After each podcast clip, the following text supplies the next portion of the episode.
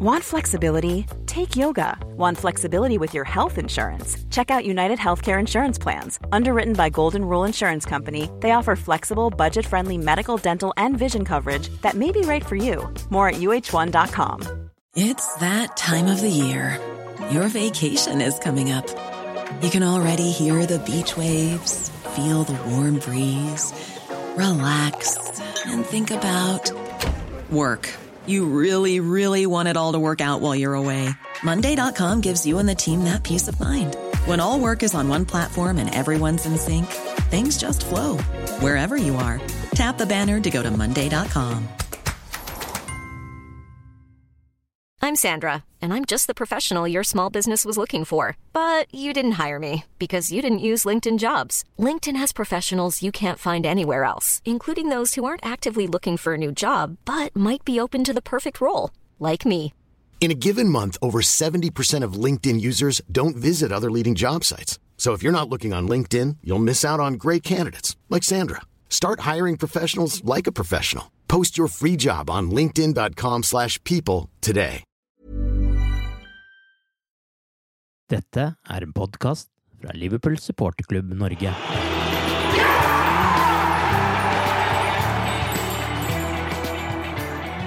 Det er nok ikke mange Liverpool-supportere som våknet i strålende humør etter tapet for Napoli onsdag kveld. I denne tiende episoden av The Cop-Out-podkasten har jeg, Arve Vassbotn, fått besøk av en som forhåpentligvis kan løfte noe av humøret med litt mimring tilbake til Liverpools glansdager på 1980-tallet. Det siste året har hun jobbet med å sette Bruce Grublars tanker ned på papir i boken Life in a Jungle, som akkurat har kommet ut. Velkommen til oss, Liverpool-forfatter Ragnhild Lund Ansnes. Tusen, tusen takk. Akkurat nå sitter vi på ditt kontor i 20 Chapel Street, som eh, også er Liverpools eh, hovedkvarter. Eh, Hva tror du samtaleemnene er i gangene her i dag? Du, jeg tror folk går litt sånn, med litt sånn tyngre skritt i dag og er litt sånn trøtt i ansiktet, som, som sikkert du og jeg også er. Kalddusj rett og slett i går kveld etter et eventyr av en sesong så langt. Jeg tror nok de fleste snakker om hjelp. Hva skjedde, og måtte det ikke vare til søndag, rett og slett. Hva mener du gikk galt eh, mot Napoli, Ragnhild? Det var så rart, fordi um, jeg tror for det første at Napoli hadde gjort hjemmeleksa si i forhold til å virkelig studere hvordan Liverpool spiller, og hemmelighetene bak Liverpools mange mål. Eh, vi var sjanseløse på kontringer. Vi var litt hjelpeløse på midtbanen. Vi hadde en fantastisk forsvarsrekke, takk og pris, ellers ville resultatet sett ganske mye verre ut. Gomez på streken der var jo en helt. Eh, Van Dijk jobba som en helt. Allison var trygg i mål.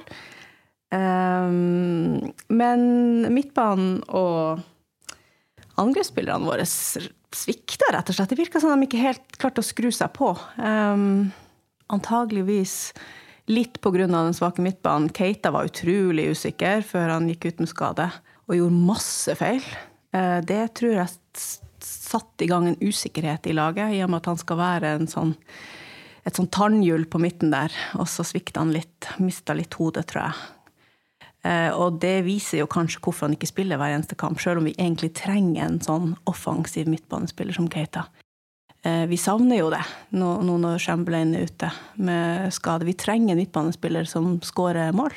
I hvert fall på en dag som i går, når uh, våre angrepsspillere ikke gjorde det. De hadde jo ikke et skudd på mål engang. Det var jo helt, helt sjokkerende, rett og slett. Um, nei, så jeg tror det var en sånn blanding av kanskje litt sånn utmattelse. Jeg tror det har vært et enormt trøkk. Kanskje undervurderte Liverpool Napoli litt.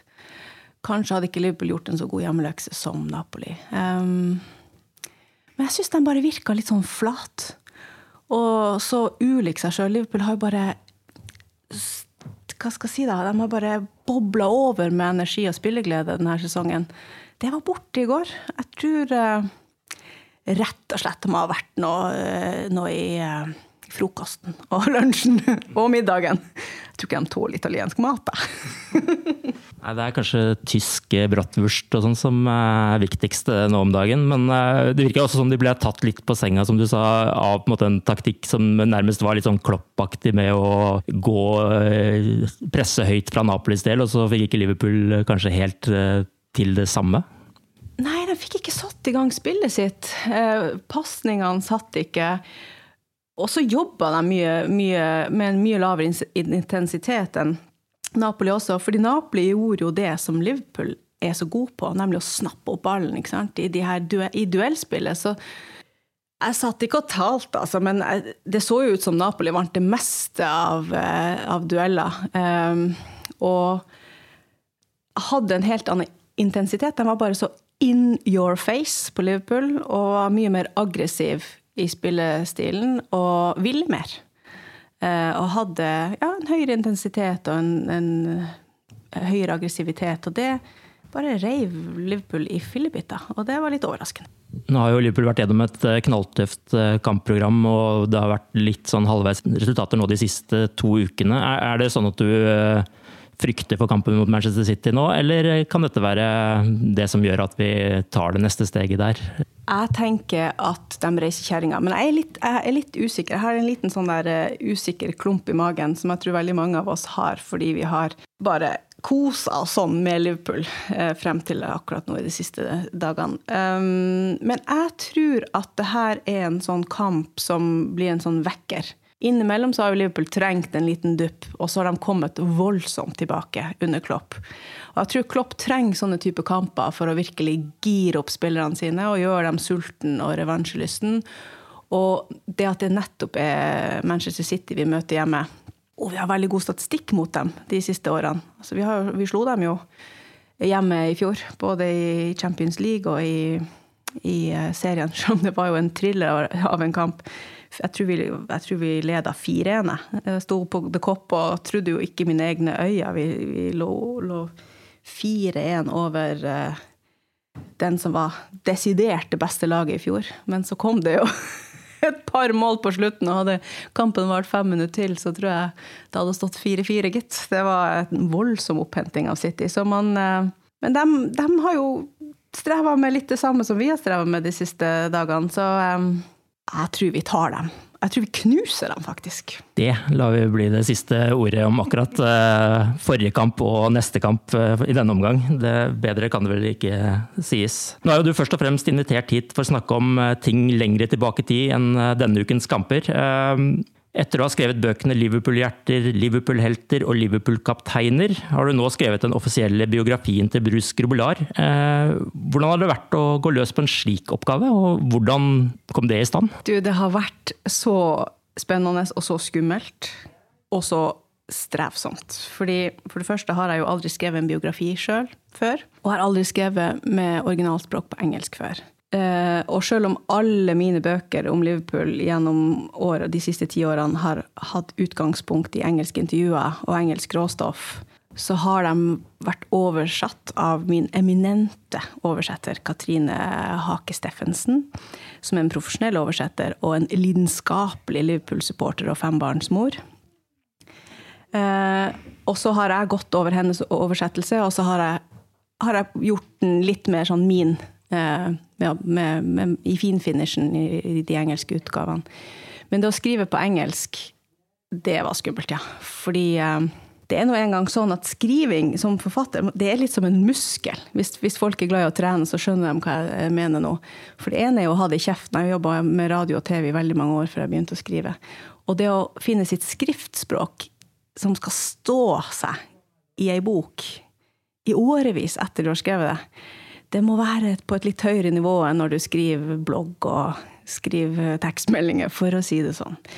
Så um, det å finne sin stemme på norsk har jo vært en utfordring. Og det å da skulle skrive litterært på det nivået som det kreves i jungelen av dyktige skribenter i verden, så um, følte jeg et visst press, kan man si da. Fordi det har vært noe sånn som jeg tror 20 sånne dyktige forfattere og sportsskribenter som har stått i, på venteliste for å få lov å skrive denne boka til han Bruse, minst. Og det her er rivende dyktige journalister og mannfolk hele gjengen, selvfølgelig. Så det at jeg fikk denne æren, da, eh, idet han hadde runda 60 år og bestemt for at nå er jeg klar. Det, det, var, det var fantastisk. Og hvordan kom det i gang? Jo, fordi Bruce ble intervjua både i Liverpool-hjerter-boka mi og i Liverpool-helter-boka mi. Og da eh, var han også veldig hjelpsom i forhold til å være med på bokturné. Vi reiste jo mye rundt med de her bøkene. Eh, og han var også en av de aller første Liverpool, eh, tidlige Liverpool-spillerne jeg ble kjent med. Og det hadde seg sånn at jeg var i en helikoptertur eh, med Bruce Grobelar, Roy Evan, som for øvrig er 70 år i dag. Så nerder jeg at jeg vet det. På den 4. oktober. og så var det Phil Neal, som skulle fly fra Florø, en legendekamp der, i ganske dårlig vær, over til um, Stadlandet for å åpne Norges vestligste kunstgressbane.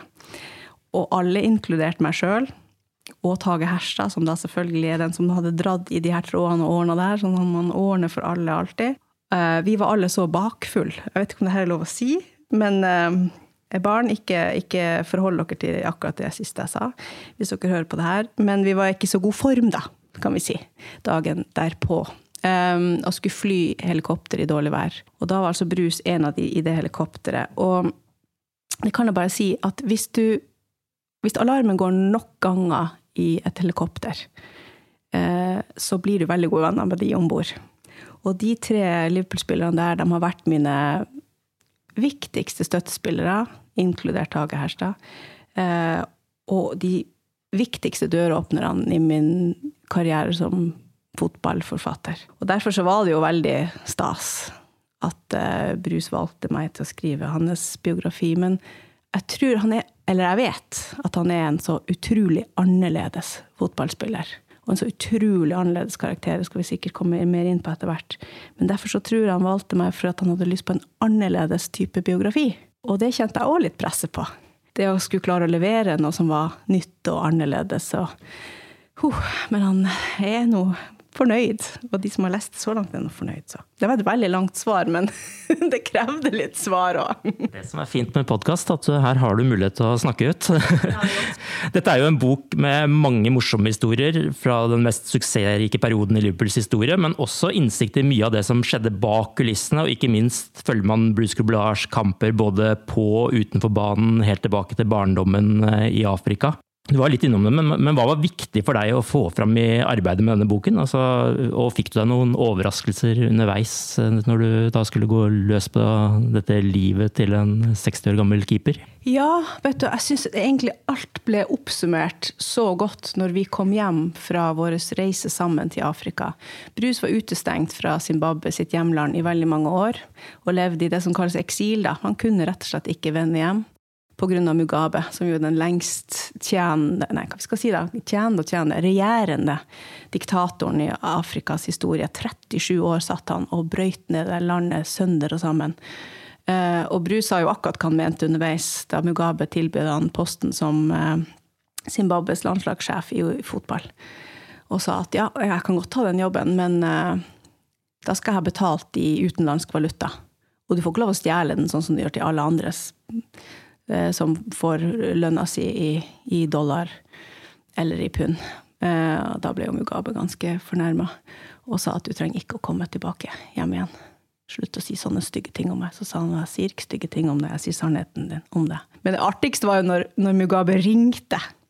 Da bodde eh, Bruce i Sør-Afrika og var trener i sørafrikansk toppfotball. Og det var kjæresten, som da ble kona hans etter hvert, som eh, kone nummer to, som, ringte, som tok telefonen, for Bru sto i, i, dusjen.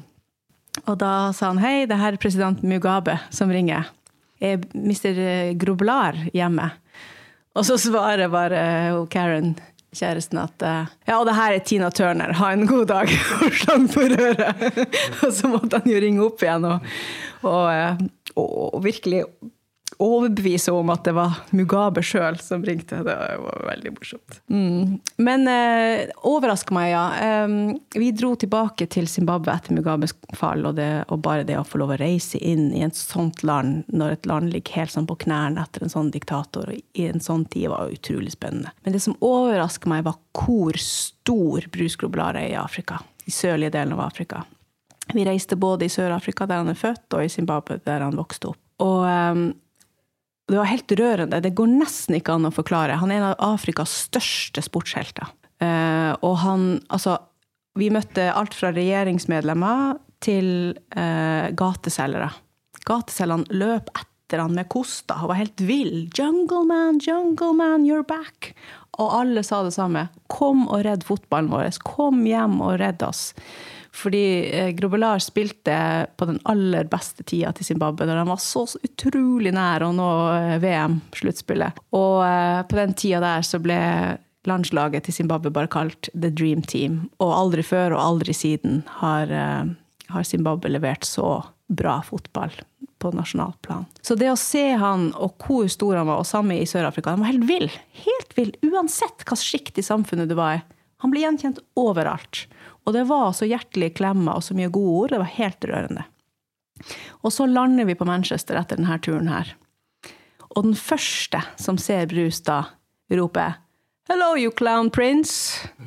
Og det bare viser for meg det der spennet. I, I, Europa, og særlig i England, så har han vært klovnen. Han der tullingen som gikk på hender og satte seg på tverrliggeren og varma opp under paraply og spilte med en caps med en utstoppa and på alt det der eh, tullet og underholdninga som han bidro med. Det. Han var jo med på å gjøre fotball litt, mer, litt mindre sjølhøytidelig, kan man vel si. Men jeg tror nok det, er, det, vil være mitt svar til deg. At det å se hvor stor han er i Afrika, og hvor mye han betyr den dag i dag i afrikansk sportshistorie, det var utrolig sterkt. Ja, som du er inne på, altså Mange i min generasjon husker jo Bruce nettopp for de tingene du nevner her. ikke sant? Og Man tok kanskje ikke inn over seg alle de andre aspektene den gangen. Eh, men det er jo også veldig mange alvorlige temaer i denne boken. Hva slags inntrykk håper du at folk skal sitte igjen med av Bruce etter å ha lest dette, bortsett fra det du nevner om hvor stor han er i Afrika, men av andre ting? Jeg har jobba sikkert med 30-talls tidligere Liverpool-spillere gjennom ti år, og det er ikke mange av dem som har det er ingen av dem som har så mange lag og en så stor dybde i seg som Bruce Grobelar har. Og det håper jeg kommer frem i boka. Um, han er veldig reflektert. Han har, en, han har, opplevd og har en sånn bakgrunn og en sånn erfaring. Han har, han har måttet drept masse mennesker i borgerkrig. Og hva det har gjort med han, og hva, hva slags refleksjon han har rundt bare den takknemligheten at han er i live hver dag, er utrolig sterkt. Um, han har møtt masse motgang. Han sleit veldig med å få oppholdstillatelse. Husk på at Brus er jo en av pionerene innenfor import av afrikanske spillere til europeisk toppfotball. Nå er det jo en stor industri, eh, både på godt og vondt. Men den gangen, så vi har jo flere afrikanske spillere. Vi har jo eh, både Mané og vi har eh, Sala og osv. på laget vårt. Men da Brus kom, så var det sånn at skulle du få lov å spille i engelsk toppfotball, så måtte klubben du skulle få kontrakt med, bevise at det var ingen i Storbritannia som kunne matche din kvalitet. Og når um, Bruce kom og prøvespilte først for West Brom for å rømme, for da ble han plutselig innkalt til krig nummer to. For, for å komme seg unna krigen i Zimbabwe, så flytta han til Sør-Afrika. Uh, og så ble han jammen meg, etter ett og et halvt år i Sør-Afrika, innkalt til krig der òg. Og han klarte ikke mer. altså bare tanken på, Han var bare 17 år når han gikk inn i den grusomme eh, jungelkrigen i Zimbabwe. Så da sa han bare 'jeg må vekk'. Og da var det jo kontakta en fotballverden som fikk han på prøvespill til West Brom. Og de elska jo det han så. Atkinson syntes jo han var strålende, men fikk altså ikke oppholdstillatelse. Så ble han sendt ned til Rednap i Bournemouth for å se om han kunne få spille der. Fikk heller ikke oppholdstillatelse. Og ble sendt til Canada, for der kunne han i hvert fall spille. Og så var han på prøve, altså sånn eh, på lån til crew. Og, og det å se den korrespondansen, den hemmelige korrespondansen mellom Bob Paisley og myndighetene, hvor han bare trygler myndighetene om at Bruce Grobelar prøver å overbevise om at han er den beste som er. Men strengt tatt så hadde han jo ikke mye å vise til. At de hadde så tro på han og gikk gjennom så mye trøbbel for det det er jo ganske imponerende. For Zimbabwe var jo ikke et land som, som hadde noe innflytelse og betydning i, i, fotballsammenheng. Og han hadde nok spilt mange kamper for, crew, eh, nei, unnskyld, for uh, Vancouver. Og, og, likevel hadde Paisley altså så tro på han ut fra det lille han hadde sett i Crew på lån. Og, og Crew var jo et lag langt ned i systemet. Men, um, så det er ganske rørende. Da. Så han er jo en mann som har stått i utrolig mye motgang og utfordringer. Og det har gjort han til en veldig klok person, og en veldig takknemlig person, og en veldig sjenerøs person. Og han er dønn ærlig. Så jeg håper at folk kan se hele det her eh, rike spennet og alle de lagene som Bruce Grublar har. Og jeg tror at hvis folk leser boka hans, så tror jeg de kan bli ganske inspirert i forhold til Vi kan lett i livet henge oss opp i noen små problemer, da, som vi blåser veldig store i våre egne liv. Men hvis du leser Bruce sin uh, biografi, så skjønner du at kanskje noen av de problemene skal vi bare deale med og gå videre. For det å, å, å bli kasta ut i en krig når du er 17 år og skal være sjefen for godt voksne mannfolk, og du vet aldri når det er en snikskytter i ryggen din. Og det å da klare å finne sin plass i det der ekstremt machoe vinnerkulturlaget i Liverpool og finne sin naturlige plass, og da få lov å være en så sentral brikke i 13 år fra den bakgrunnen han hadde. Nei, det, det, er, så, det er, så, mye jeg kunne sagt om uh, Bruce Grublar, men han er en ekstremt uvanlig fotballspiller og veldig reflektert og snill. Absolutt, Mange av disse tingene kommer jo veldig godt fram i boka. Men du nevnte Bob Paisley her, og det lille han hadde sett av Bruce Grobelar. Det er jo en morsom historie i boka fra når eh, Bob Paisley og en av speiderne er på, på tur til Crew for å se Bruce Grobelar i aksjon. Hva, hva, var det som skjedde da? Altså, Manchester City var så gira på Bruce, men av en eller annen grunn så var de og så han altså 24 ganger før de hadde klart å komme med tilbud. Og på oppløpssida der, da, så får han da beskjed fra, fra manageren i crewet at i dag må du virkelig ikke finne på noe tullbrus. For i dag er det to veldig viktige personer for å se på deg. Og la meg gjette Manchester City. Nei, det er faktisk Saunders og um, Paisley som er her for å se på deg fra Liverpool. Og han ba OK. og så regner det selvfølgelig den dagen, da. Så han låner fra T-dama paraplyen hennes, og så springer han ut da, og varmer opp under paraply, bare på tull, vet du. Og så hadde han en sånn greie om at han, han likte veldig godt å, å sitte opp på tverrliggeren, og så, og så hoppa han ned. Så skulle han, skulle han gjøre en sånn oppvarming hvor han hoppa ned og redda skudd samtidig. Så gikk han jo litt på hender, og så alt sånn som han pleide, da. Og så kommer han inn i garderoben før kampen, og manageren er jo bare rasende på han. Bare, 'Hva er problemet, sjef?' Du vet de der to veldig viktige personene som kom for å se deg, de har dratt. De var ferdig med å se på deg. Jeg sa du ikke skulle tulle det til! Å, sier Bruce. Og um, det var nok. De hadde sett nok til å signere han bare på en oppvarming, som jo ikke gikk helt etter boka. Utrolige tilfeldigheter hvordan man havner i en storklubb som Liverpool, som dominerte Europa på den tiden. Eh, men det er jo liten tvil om at det var mange som var glad i å ha det morsomt på andres bekostning eh, i laget på den tiden også. Bruce Groular var vel ikke den som eh, ikke var med på de skøyerske trekkene. Hva er din favoritthistorie fra boka på, på sånne ting? Oi, det er så mange. Altså, Sameli i hatthylla. Altså, han sovna jo, og så ble han plassert i hatthylla på flyet, og så, og så landa flyet, og da datt han jo selvfølgelig ut, stakkars. Hva du tror? Han fikk jo helt sjokk.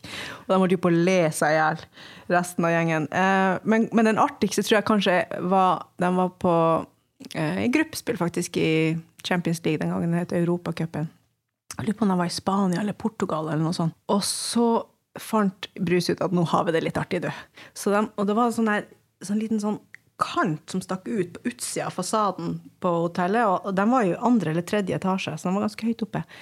Og så bestemte de seg for å klatre på utsida, til, bort til neste rom, der en av de her lagkameratene var. Så han banka på, på vinduet og sa hei, hei. Og han stakkar han som lå der og slappa av av lagkompisene, uh, han gikk jo til døra for å se hvem som banka på, og han måtte banke på igjen, og han fikk jo helt sjokk når han så Brus hang i vinduet på utsida, høyt oppe i lufta. Uh, og så hva er det du holder på med, kom deg nå tilbake. Jeg bare lurer på om jeg fikk låne avisa di. Bare tull, vet du. Og så han, vet du hva, jeg, jeg, det her er ikke greit. Jeg, jeg, springer og forteller sjefen hva du holder på med. Det her går ikke, Brus. Så i mellomtida tenkte jeg nå skal vi ha det artig med han. Så da klatrer de inn i rommet hans ned gangen personalveien, personalheisen, inn på kjøkkenet, grabba en, en flaske ketsjup, løp ut. Han og la kompisen Jeg lurer på om det var Jeg husker ikke hvem det var, om det var Niklan som da, eller om det var om det var Craig, nei, jeg er ikke helt sikker. Men det var i hvert fall to av dem. Og så spruta de ketsjup i bakken, og så la de seg helt sånn forkløkla rett under sitt eget vindu, som om de hadde omkommet. da. Så når hele laget kom ut, så lå de bare der. Og så på et visst tidspunkt så ga Bruce Q om at nå hopper vi opp. de fikk en ganske saftig bot etterpå hos Paisley. Samtidig med at det var mye kødd, så virker det også som om det var ganske hard selvjustis i laget den gangen også, ut fra det man leser i boka. Eh, hvordan ble det f.eks. håndtert eh, de gangene Bruce gjorde tabber på, på banen av lagkameratene og, og manager? Han kalte, dem, han kalte dem bare for den skotske mafiaen. Og det var jo selvfølgelig Alan Hansen og Graham Sunes i eh, front. Kenny Daglish selvfølgelig. Um, og Erlend Hansen han snakka ikke, og Sunes heller, men særlig Erlend, han snakka ikke hvis du hadde gjort feil. Og det er altså ingenting. Han så ikke på det, han forholdt seg ikke til deg før du hadde bevist noe bedre. Det var ikke sånn 'la oss snakke om det, hva du kan gjøre bedre neste gang'. De ble totalt ignorert. Så hvis Bruce hadde gjort en stor tabbe på banen, så snakka ikke Erlend Hansen med han før neste kamp. Altså, han, han ga ikke han engang ballen på five side på trening. Han var han bare, han, han, Bruce eksisterte ikke for Hansen før han hadde bevist bedre. Så det var knallhardt, altså. Til tider. Det var ikke alle som tålte det, og han oppførte seg sånn mot alle. Det var, det var sånn sink or swim, som det kalles så fint. Og klarte du ikke å forholde deg til den der beinharde interne justisen hvis du ikke leverte, så var du sjanseløs. Hvordan var det med managerne? Var det på samme viset der, eller var det noe støtte å få noe sted etter å ha gjort en tabbe? Nei, egentlig ikke. Det var altså Bruce var jo veldig velsigna å få lov å spille i ei tid hvor Liverpool spilte på sitt absolutt beste. Altså 80-tallet til Liverpool var jo helt fenomenalt. Dessverre så mista han jo mista han jo mange gode år i Europa på grunn av Um, Hazel-tragedien. Og Bruce, det som er spesielt med Bruce, er jo at han sto jo i mål på de to verste tragediene til Liverpool, både Hazel og Hillsborough. Og det er helt rørende å, å høre hans historie om hvor mye de 96 som døde i Hillsborough, eh, betyr for han. Altså, han signerer hver eneste bok nå med 96. De er overalt. Han er jo en lidenskapelig golfspiller, og alle ballene står det 96 på. Jeg var besøkte han i Canada når han var trener under um, Kenny Daglish sin sønn Paul Daglish i Ottawa Furies. Der var han keepertrener og assistenttrener. Og på alle hans treningsutstyr så var det 96 på ryggen. Grobelar 96. Um, så det, det, er veldig, veldig sterkt, altså. Men uh, tilbake til det du svarte, du egentlig spurte meg om. Um, Managerne, ja. Nei, det var akkurat like hardt.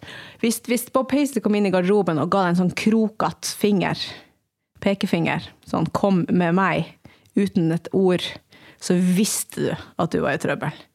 Og da var det bare å gå på den lange korridoren på kontoret. Men så visste du også at du ville høre 16 par med føtter inntil døra og legge øret inntil for å for å få med seg alt som skjedde. Så det var no mercy hvis du gjorde feil. Men så kunne du jo på den tida det med å gjøre stas på deg og holde gode taler og sånn eh, når du vant seriemesterskapet, gjorde du ikke det? Da, da tok du det ordentlig ut. ja, det er vel eh, kanskje å ta i. Det var jo ingen slags feiring. Altså um, det første, første seriemesterskapet til Brus, så uh, var det ingen Det var absolutt ingen markering. Medaljene ble bare lagt på fysioterapibenken i garderoben. Med, med, um, følgende kommentar Ta en hvis du syns du har fortjent en. Og han torde jo ikke det. Han tenkte har jeg fortjent den? Jeg har jo bare spilt én sesong. Jeg vet ikke helt. Har, har jeg fortjent den her? Så det var, var de mest erfarne gikk og grabba en først. Og så var det da for de stakkarene til slutt, da. Usikkert se om de, om de var verdige en medalje, de òg. Det var absolutt ingen ingen verdens eh, taler og hyllest fra, fra The Bootroom. Eh, men eh, guttene feira jo selvfølgelig litt. De var jo gode å gå på byen sammen, da. Um, men det som overraska meg, var at de, de, drakk faktisk mer når de tapte, enn når de vant. Fordi at de var ikke noe vant til å tape. Så når de tapte, så trengte de rett og slett hverandre for å løfte seg opp igjen. For det var et så stort sjokk de gangene de tapte. Og da havna de utpå, ja. Men uh, når var varmt, så det, gikk det egentlig ganske stille og rolig for seg. Det var så vanlig.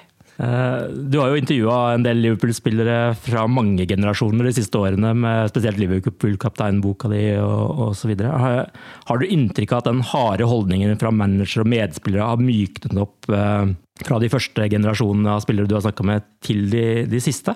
Absolutt. Jeg mener, Bruce Grublar hadde et ganske vanskelig forhold til sin far, for han uh, svikta, svikta familien ganske tidlig. Og det er litt sånn rørende historie hvordan de fant hverandre igjen, men det var jo beinhard oppvekst, altså. Fyttegrisen. Eh, men når Bruce var spilte verdensmesterskapet i fotball med Liverpool Japan, eller i Japan, men mot et uh, brasiliansk lag, tror jeg det var. Ja, flamenco, ja. Um, så dagen etter Normally being a little extra can be a bit much, but when it comes to healthcare, it pays to be extra. And United Healthcare makes it easy with Health Protector Guard fixed indemnity insurance plans. Underwritten by Golden Rule Insurance Company, they supplement your primary plan, helping you manage out of pocket costs without the usual requirements and restrictions like deductibles and enrollment periods. So when it comes to covering your medical bills, you can feel good about being a little extra. Visit uh1.com to find the Health Protector Guard plan for you. When you're ready to pop the question, the last thing you want to do is second guess the ring at Bluenile.com, you can design a one of a kind ring with the ease and convenience of shopping online. Choose your diamond and setting. When you find the one, you'll get it delivered right to your door. Go to Bluenile.com and use promo code LISTEN to get $50 off your purchase of $500 or more. That's code LISTEN at Bluenile.com for $50 off your purchase. Bluenile.com code LISTEN. Hiring for your small business? If you're not looking for professionals on LinkedIn, you're looking in the wrong place. That's like looking for your car keys in a fish tank. LinkedIn helps you hire professionals you can't find anywhere else, even those who aren't actively searching for a new job but might be open to the perfect role. In a given month, over 70% of LinkedIn users don't even visit other leading job sites. So start looking in the right place. With LinkedIn, you can hire professionals like a professional. Post your free job on linkedin.com slash people today. Burrow's furniture is built for the way you live. From ensuring easy assembly and disassembly to honoring highly requested new colors for their award-winning seating, they always have their customers in mind. Their modular seating is made out of durable materials to last and grow with you. And with Burrow, you always get fast, free shipping. Get up to 60% off during Burrow's Memorial Day sale at burrow.com slash ACAST. That's burrow.com slash ACAST. burrow.com slash ACAST. Millions of people have lost weight with personalized plans from Noom. Like Evan, who can't stand salads and still lost 50 pounds. Salads generally for most people are the easy button, right? For me, that wasn't an option. I never really was a salad guy. That's just not who I am. But Noom worked for me. Get your personalized plan today at Noom.com. Real Noom user compensated to provide their story. In four weeks, the typical Noom user can expect to lose one to two pounds per week. Individual results may vary. Etter kampen så kommer Paisley til han og forteller han at uh, det, er en, det, er en, flybillett til det her, til, rett til Sør-Afrika, fordi faren din er død. Og så finner han ut at det er da tre dager siden faren døde. Og ingen har fortalt han det, fordi de vil ikke forstyrre hans kampoppladning. Og de tapte jo den kampen òg. Som er jo helt hjertesløst, egentlig. At, de, at, at, han rett og slett ikke fikk beskjed om, om noe sånt. Um, og da for han ned og, og, og, rakk akkurat begravelsen, så måtte han skynde seg opp igjen, for det var kamp, bortekamp mot Tottenham. Uh, og han kom, jo, kom, på flyet ned, så var det sånn Oi, business, det var ikke verst. Da alt kom til alt, så var han sjøl som måtte betale den flybilletten. Um, og da var han jo en ung gutt uten alle mulige midler, som han jo selvfølgelig opparbeida seg etter hvert. da. Så uh, nei, det var ikke noe trøstende klemmer å få. Jeg vet jo um, David Fairclough opplevde jo noe lignende. Han var veldig ung da faren døde brått. Um, og han er egentlig ganske bitter på Bob Paisley den dag i dag, at han var så hard med han da, og ikke ga noe som helst medfølelse. Han var også bare i tenårene og måtte plutselig forsørge familien sin på veldig lite. Um, men jeg tror mange managere er litt på den samme måten fortsatt. Det er en veldig sånn machokultur i fotballen. Jeg tror at vi er veldig takknemlige, eller jeg vet vi er veldig takknemlige som har Jørgen Klopp, som, som tilhører en sånn empatisk lederstil. som egentlig ikke representerer fotballen i dag. Det er, jo, det er jo heldigvis flere unge managere som nå kommer fra vår generasjon, da. Vi som er i, i 30-40-50 i dag. Som nok har en litt annen type holdning til det å være medmenneske og ikke bare sjef. Ikke bare i fotballen, men i, i businessen generelt. At det der med å være en empatisk leder og det å kunne logge seg på og se hele mennesket og ikke bare spilleren eller den ansattes prestasjoner, er, har en verdi for at, at businessen eller laget skal fungere optimalt. Og er, jo, jeg syns jo det er så flott å se hvordan Jørgen Klopp da går og klemmer ikke bare sine egne, men han går og klemmer motstanderne sine spillere. Og det her har spredt seg litt, hvis du legge merke til det nå. Den måten Jørgen Klopp har blitt eksponert på, og måten han oppfører seg på, det begynner å spre seg nå i Premier League. Nå ser jeg stadig flere managere som går ut og klemmer. Så jeg tror han har satt i gang en liten sånn empatisk klemmeepidemi. Eh, og det, det, har en veldig symbolverdi, for det viser en helt annen slags holdning. Det er ikke en sånn neden, ovenfra ned-holdning fra manageren, men en mer sånn likeverdig, medmenneskelig holdning. Så eh, jeg vil vel si at absolutt. Hvis, hvis, du tar Klopp i betraktning, så er det jo en helt annen verden i dag. Men, men det vet jeg med Klopp altså hvis, han er, hvis, hvis, han ikke er fornøyd med ting. Det er ikke mye klemmer å få da. Han er nådeløs, han òg. Han er beinhard når han må.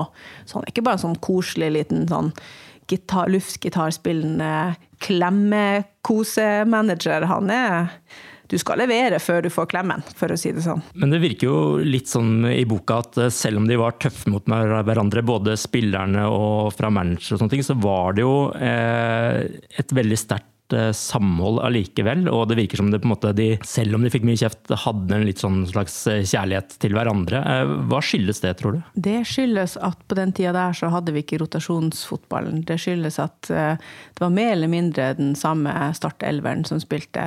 Og til slutt kjente hverandre så godt både av og på banen at, at de kunne nesten spille i blinde. Altså sånn som Rush og Daglish på den tida der. De trengte ikke å snakke sammen, og snakka egentlig ikke noe særlig sammen av banen heller. De var ikke noe særlig gode venner da.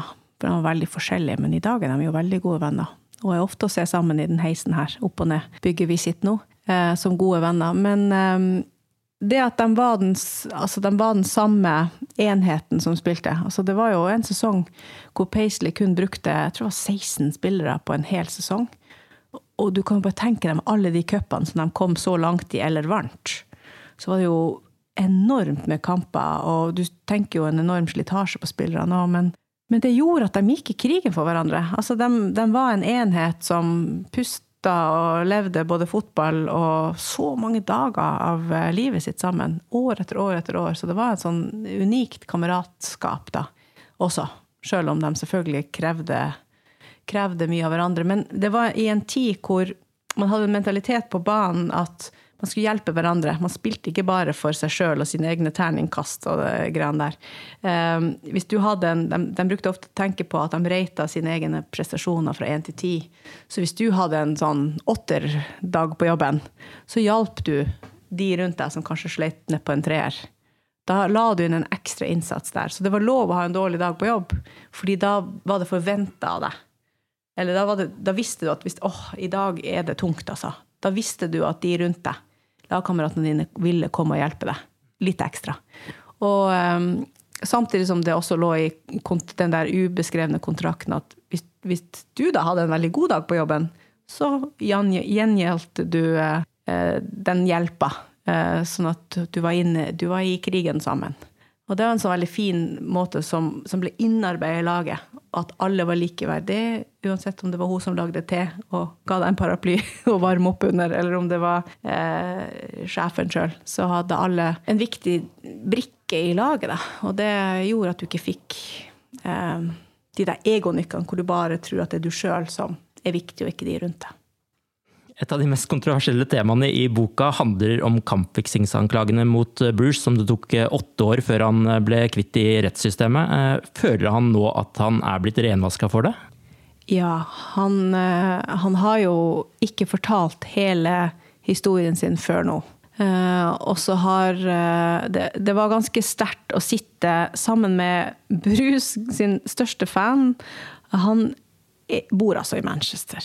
Eh, og han har samla absolutt alt av avisutklipp om Bruce Grobelar hele hans liv i Storbritannia. Alle aviser og magasiner. Han har sånne arkiver, du vil ikke tro det, de er sirlig eh, arkivert. Og jeg satt sammen med Bruce når han for første gang i sitt liv så hva media egentlig har skrevet gjennom de her årene om kampfiksingsskandalen, som den ble kalt. Eh, fordi at han holdt seg bare unna. Han så jo selvfølgelig forsidene overalt, og han slo jo av ganske mange TV-sendinger. Han hadde små unger på den tida. Eh, men det var så sterkt å sitte og se han bla igjennom sju, nesten åtte år med avisutklipp. Og så er det så interessant å se hvordan alle forhåndsdømte han først. De bare hoppa på hele gjengen før de hadde fått noe som helst av hans versjon. For han holdt igjen og sa bare at det her er jo helt vanvittig. Det her kan ikke jeg forholde meg til. Så han trakk seg tilbake. Og da fikk bare media bare grave inn i den motparten sin helt vanvittige historie. Um, og det å se hvordan gradvis media tar til fornuft da tenker jeg, vent nå litt, en sak har kanskje to sider her. Og det tok lang tid, vet du. Han ble altså så skitt eh, Hva skal jeg si, da? Bæsja på, vil jeg si. Av, av en komplett eh, spekter av eh, både engelske og internasjonale medier, før de liksom trakk pusten og tenkte vent litt, skal vi, skal vi se om hva den andre sida av saken her egentlig er. For det var bare så utrolig sensasjonelt stoff at en, et så stort fotballikon kunne gjort noe sånt. Det var en så god sak, og den solgte så mye, så mye aviser. De tjente så mye penger på det. Og Murdoch i spissen med aviser vi ikke liker å nevne med navn, som jo da satte sparka hele greia i gang. Og konflikten med eh, denne avisa, og Brus kom jo i gang allerede etter Hillsborough. For Brus skrev jo eh, artikler for denne avisa. Eh, inntil det forferdelige for førstesida kom etter dagen til Hillsborough-tragedien med rykter eller, altså, hvor de slo fast at, at Liverpool-fans hadde urinert på sine egne og rana dem. Og nei, det var helt forferdelig en sånn, kanskje, ikke bare kanskje, den verste førstesida, tror jeg, i, i britisk avishistorie i forhold til så mange ting. At det var jo bare tull. Og det var helt grusomt å påstå etter en sånn forferdelig tragedie. Så da nekta jo Brus å skrive mer for denne avisa. Og det var der krigen starta. Og The Sun skulle, der sa jeg det, ta han tilbake. Og da, hva de var villige til å kjøre av rettssaker, og hvor mange runder de var villige å tape før de, og uten å gi seg. Ja, han, skulle, han skulle få igjen. Tenk å ikke ville samarbeide med oss, Englands største tabloidavis. Sånn gjør man bare ikke. Det er ingen som sier nei til oss. Um, nei, det, var, det, det, har vært en utrolig tøff sak. Og den har jo kosta Brus ekteskapet sitt. Han mista alt han eide på det. Han ble konkurs av det. Det kosta han så mye for å renvaske navnet sitt, og han ble jo renvaska. Um, men det kosta enormt mye, og det har vært ekstremt tøft for han. Og det å endelig nå få fortalt hele historien, og få fortalt om den bakmannen som, som, som solgte den historien, en desperat røver fra Zimbabwe, som i forkant hadde stjålet over fire millioner fra brus for å starte en, en, sånn, um, en sånn game resort. Og bare drakk og spilte opp pengene. Og, og Bruce trodde alt var i skjønneste orden. Og var desperat på mer penger.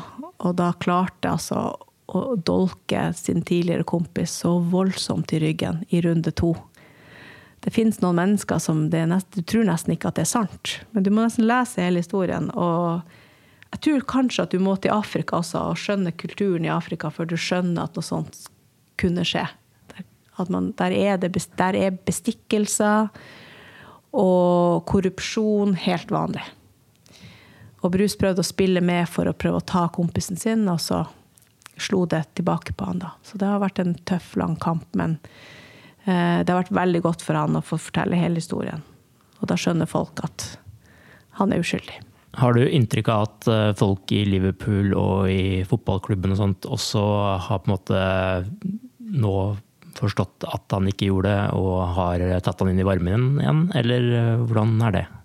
Det er litt delt, tror jeg. Eh, I Liverpool fotballklubb er det ingen tvil om at han har fortsatt den samme respekten. Og han ville aldri ha vært ambassadør rundt omkring i alle verdensdeler på vegne av klubben. Og han hadde ikke jobba på hver eneste hjemmekamp som han gjør nå, som Liverpool-legende, eh, hvis han ikke hadde hatt full tillit. Og det har han.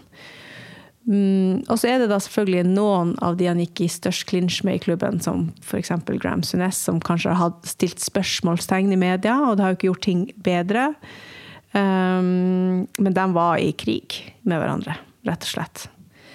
Mens de aller, aller fleste lagkameratene gikk jo ut én etter én i avisene når de endelig fikk sjansen til det, og støtta han. Og sa aldri i livet. Så det, vi har spilt han i så mange år det her er ikke sånn Bruse. Han er, han er en ordentlig fyr. Og samtidig så, så, kan du jo tenke hvordan i alle dager skal du klare å fikse en kamp i mål? Du er nødt til å ha med deg en fire-fem andre på laget, og det var ikke kultur for noe sånt. Det var jo helt hårreisende. Og den ene av de tre kampene som ble tatt opp som han liksom skulle ha fiksa, da, så kom han nyoperert. Han hadde akkurat hatt um, bruskoperasjon i begge knærne. Og han spilte i bukse den dagen. Jeg tror det var Southampton-kampen. Så de spilte 3-3. Den ble tatt frem at han gjorde en så dårlig jobb i mål. Men han var bandasjert på begge knærne og spilte i bukse en av de få gangene fordi han ikke ville vise motstanderen at han var bandasjert. Og ifølge legen skulle ikke ha spilt, men Sunes tvang han til å spille. Nyoperert etter ti dager. Um, og det er klart, det sier jo seg sjøl at du, du spiller ikke på ditt beste da. Og den an, en andre kampen var en kamp mot United, uh, hvor han gjorde noen helt sånn elleville stjerneredninger i andre omgang. Og så måtte si retten uh, Tror dere virkelig at jeg hadde gjort de redningene hvis jeg ville at vi skulle tape?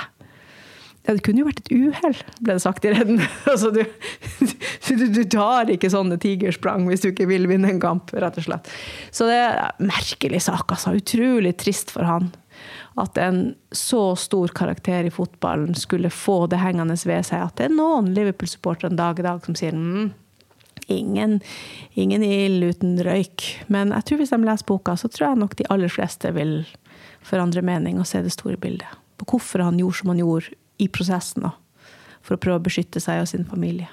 Nå som du har gravd mye i den suksessrike delen av Liverpools historie, hva slags likhetstrekk og forskjeller ser du til det som skjer i Liverpool nå i dag? Jeg ser den spillegleden igjen. Altså det der med å spille med et smil rundt munnen. Hvis du går inn på YouTube og ser, eh, ser eh, kampene som Liverpool spilte på 80-tallet, så var det mye smil og latter og fart. Og et veldig sånn innarbeida spill. Um, mange pasninger, hurtighet, sjøltillit. Uh, og ikke minst samhold. Den der gleden på hverandres vegne. Jeg syns det er så fint å se nå. Altså er jo, vi, vi, er jo så heldige og så velsigna med å se den ene gruppeklemmen etter den andre uh, ved cornerflaggene. Uh, røde gruppeklemmer i år og i fjor. Og um, det, det, tenker jeg er kanskje den største likheten.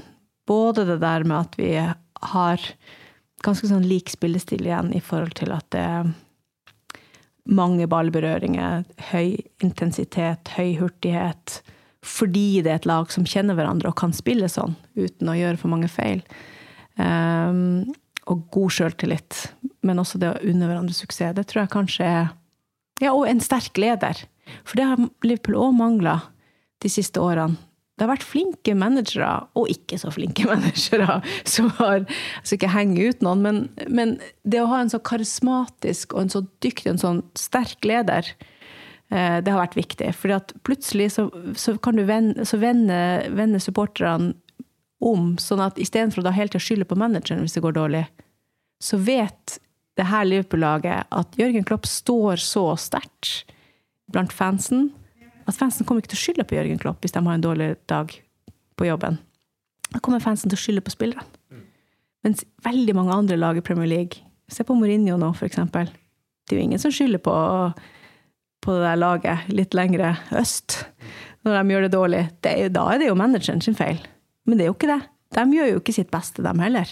De har, de, har, ikke noe god kultur. De har ikke noe de har ikke noe spilleglede. De har sikkert litt spilleglede, da, men altså, sånn i forhold til det vi ser i Liverpool, så tror jeg at det er den største forskjellen mellom Manchester United og Liverpool akkurat nå. At en sånn god symbiose mellom manageren og spillerne.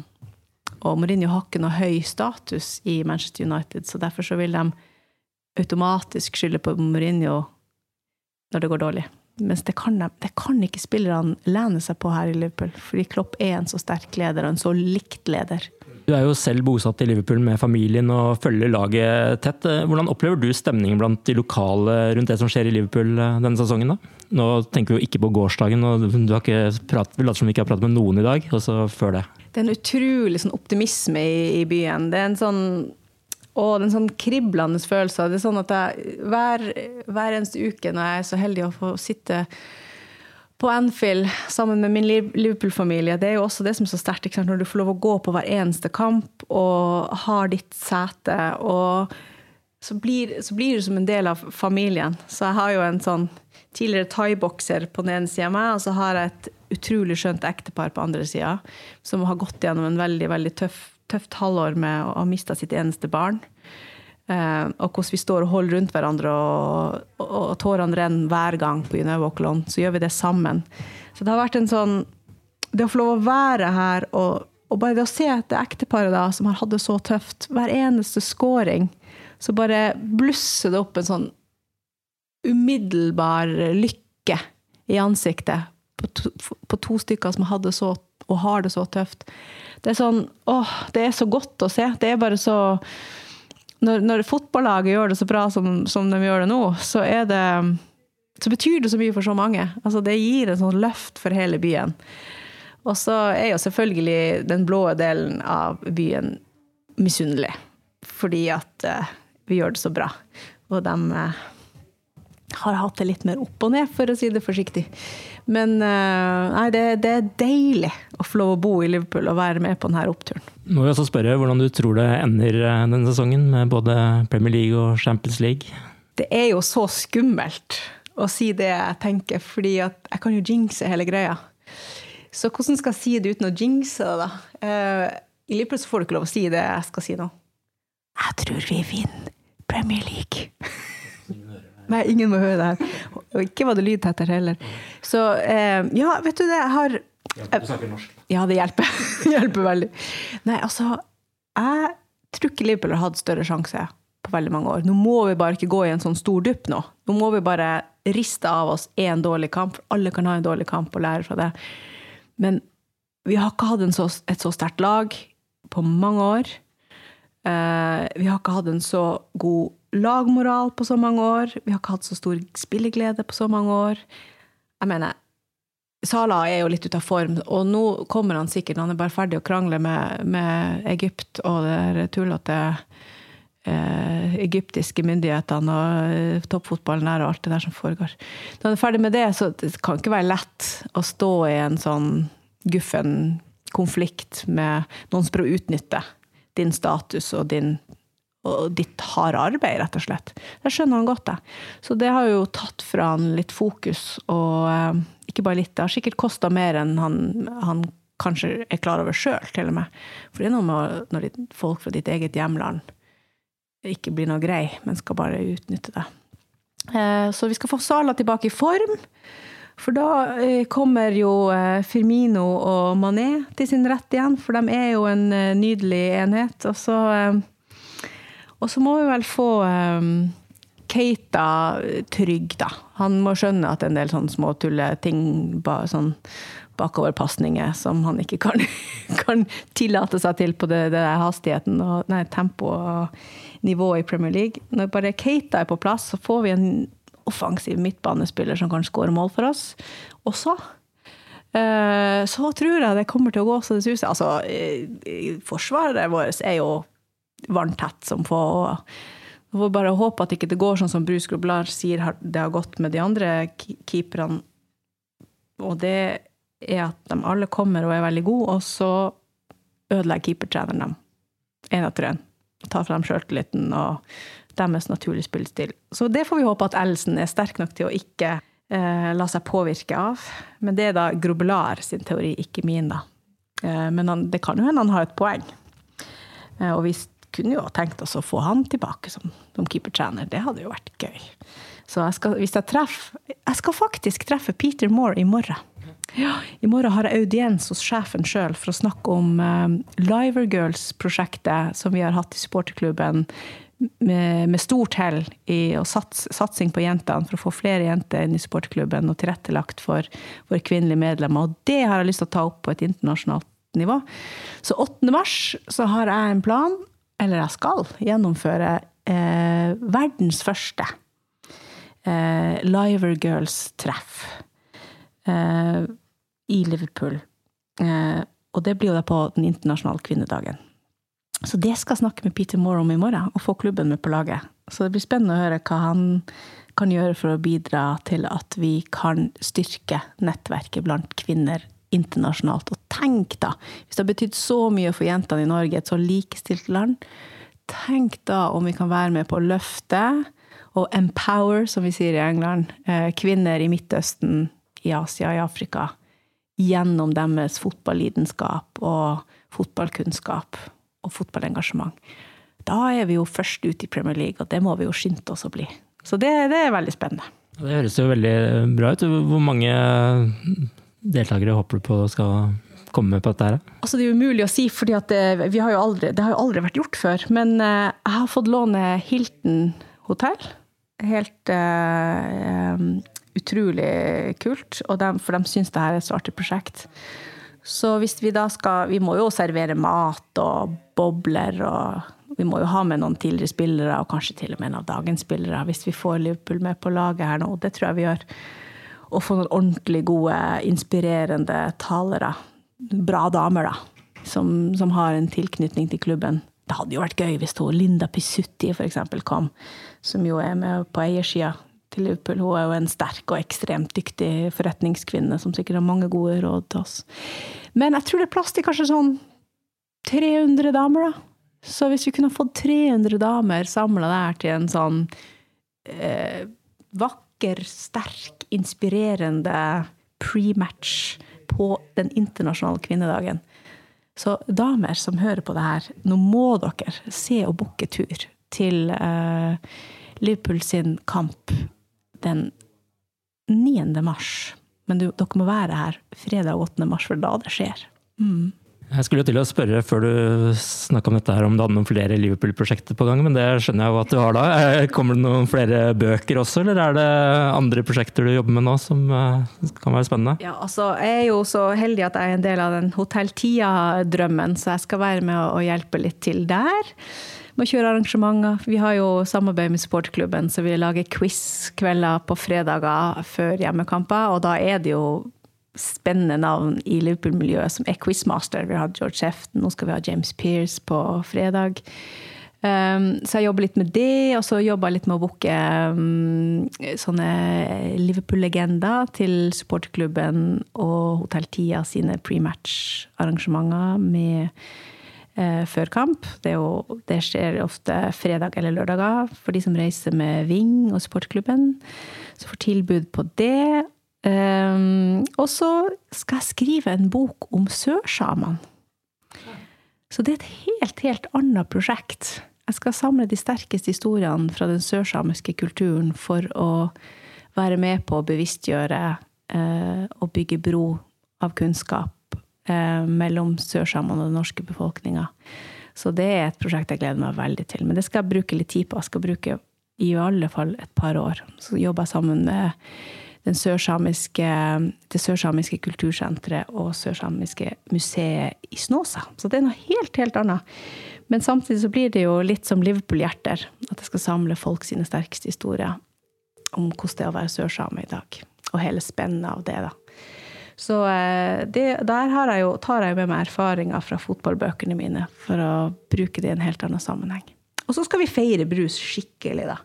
Med en sånn ordentlig afrikansk aften. Men det blir ikke før 8. februar, så de som er over da, de må bli med på det. Da må de bare gå inn på noe som heter Ticket Quarter og bestille billett, for det kommer til å bli utsolgt og stinnbrakke. Han har sjøl valgt menyen, han er en habil eh, hobbykokk.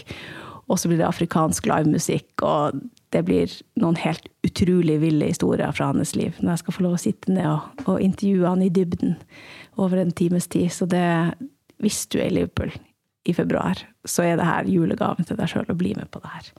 Det blir stas. Det blir det første arrangementet jeg skal arrangere på Hilton, så det har jeg aldri gjort før. Så det er store, store ting på gang, du. Men eh, i tillegg så har jeg nå eh, planer om å bygge en eh, internasjonal Liverpool-hjerter-blogg som heter liverpoolhearts.com. Så den kommer også i løpet av høsten.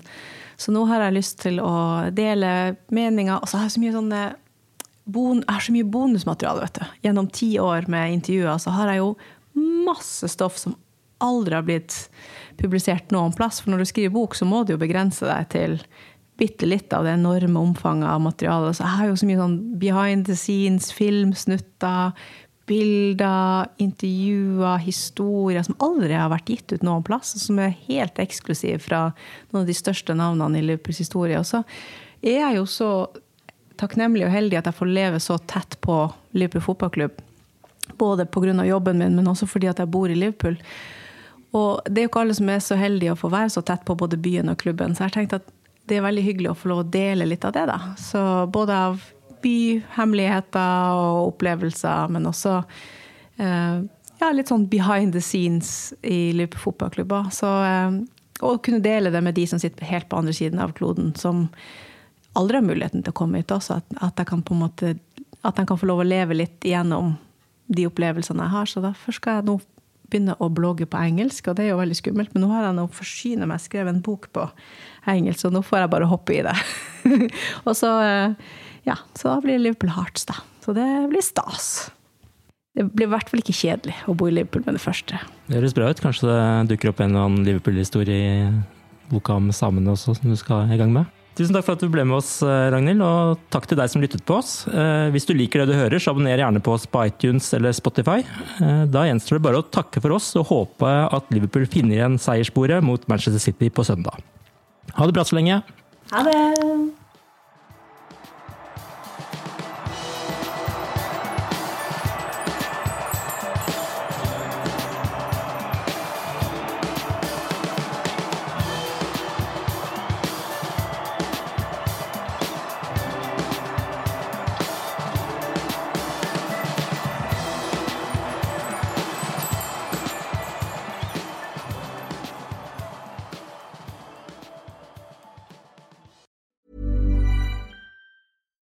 Flexibility is great. That's why there's yoga. Flexibility for your insurance coverage is great too. That's why there's United Healthcare Insurance Plans. Underwritten by Golden Rule Insurance Company, United Healthcare Insurance Plans offer flexible, budget friendly coverage for medical, vision, dental, and more.